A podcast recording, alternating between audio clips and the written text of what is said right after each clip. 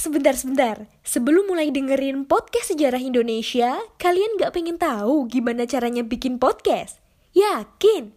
Gak susah kok. Coba deh download Anchor Podcast. 100% mudah, 100% gratis. Saya berbicara di sini sebagai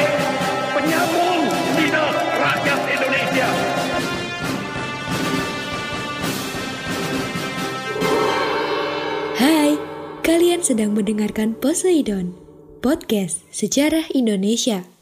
Ngomongin masa lalu dengan gaya masa kini. Assalamualaikum warahmatullahi wabarakatuh. Salam sejahtera bagi kita semua. Salam sejarah.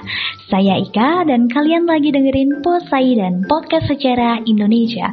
Podcast yang bikin kalian gagal move on. So stay safe still Tetap semangat untuk mengulas masa lalu. Dan mohon perhatiannya kawan-kawan. Sesaat lagi saya akan membawa kawan-kawan ke masa lalu session 2 So kencangkan sabuk pengaman kawan-kawan Karena dapat saya pastikan kawan-kawan akan gagal move on. Oke baik, sudah kan kawan-kawan? Tentunya kawan-kawan sudah tidak asing lagi nih dengan yang namanya Thomas Stanford Raffles. Oke, pasti dibayangkan kawan-kawan uh, bunga Rafflesia Arnoldi. Ya, nggak salah ya. Jadi pria asal Inggris ini merupakan seorang gubernur jenderal Hindia Belanda dulunya. Bahkan beliau juga dikenal sebagai pendiri negara Singapura saat itu, ya. Dan perlu kawan-kawan ketahui pula sosok Thomas Stamford Raffles ini juga dikenal banyak menyumbangkan perkembangan ilmu pengetahuan, khususnya sejarah perkembangan Pulau Jawa dengan bukunya yang cukup fenomenal yaitu History of Java. Selain tadi menemukan bunga Rafflesia Arnoldi, juga berhasil menulis sebuah buku ya, History of Java ya. Nah, lalu bagaimana sih pemerintahannya masa beliau di Hindia Belanda? Nah, ayo kita simak dan kupas tuntas sama-sama. Nah, sejak penandatanganan kapitulasi Tuntang kawan-kawan, wilayah Nusantara ini menjadi jajahan EIC ya. Ini kongsi dagangnya Inggris sebagai penguasa Nusantara.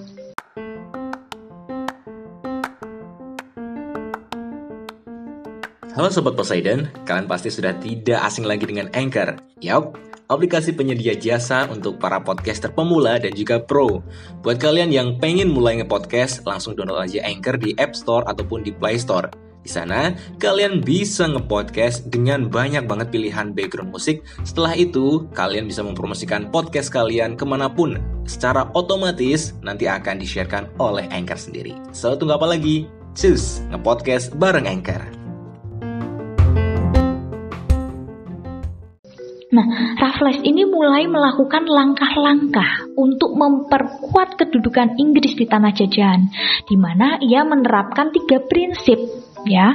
Yang pertama, segala bentuk kerja rodi dan penyerahan wajib ini dihapuskan dan diganti dengan penanaman bebas oleh rakyat. Nah, ini yang uh, sedikit merubah tatanan kita ya. Kita jadi tahu berbagai macam tanaman yang bisa kita produksi gitu ya, tata cara penanamannya karena Raffles ini juga ahli botanika ternyata gitu ya. Keren ya. Nah, yang kedua, peranan bupati ini sebagai pemungut pajak tadinya itu dihapuskan dan para bupati dimasukkan sebagai bagian pemerintah kolonial. Kemudian yang ketiga, tanah ini merupakan milik pemerintah. Nah, rakyat ini dianggap sebagai penyewa atau yang kita kenal dengan sistem land rent, yaitu pajak tanah. Ini ciri khasnya dari pemerintahan Raffles ya. Kalau dari segi ekonomi yaitu land rent, sistem pajak tanah atau sewa tanah ya. Nah, memperkuat kedudukan dan mempertahankan keberlangsungan kekuasaan Inggris, Raffles ini membuat uh, strategi, yaitu dengan membina hubungan baik dengan para pangeran, kemudian penguasa yang membenci Belanda saat itu. Nah, ternyata strategi ini uh, cukup membuat sebagai upaya mempercepat penguasaan Pulau Jawa sebagai basis kekuatan untuk menguasai kepulauan Nusantara. Dan maka nggak heran kalau misalkan Raffles ini juga berhasil menulis sebuah buku yang berjudul tadi History of Java. Ia juga sebagai penemu bunga Rafflesia anorudi dan sekaligus merintis kebun raya Bogor karena dia sendiri juga ahli botanika. Nah, pemerintahan Raffles di Nusantara ini berakhir dengan ditandatanganinya Convention of London tahun 1814 yang isinya itu ada tiga ya. Yang pertama, Nusantara dikembalikan kepada Belanda. Kemudian yang kedua, jajahan Belanda seperti Thailand, ke koloni, Guyana ini tetap di tangan Inggris. Dan yang keempat, Shoshin ya ini di pantai Malabar India. Ini diambil alih oleh Inggris. Sedangkan Bangka ini diserahkan kepada Belanda sebagai gantinya. Penyerahan daerah kekuasaan di antara kedua negeri ini antaranya Inggris dan Belanda ini dilaksanakan tahun 1816 jadi meskipun penandatangannya tahun 1814 tapi baru benar-benar serah terimanya itu tahun 1816 mulai sejak tahun 1816 inilah mulai yang namanya dominasi pemerintahan Belanda kembali berkuasa di Nusantara. Inilah nanti yang akan kita kupas tuntas pada episode selanjutnya, itu mengenai dominasi Belanda di Nusantara.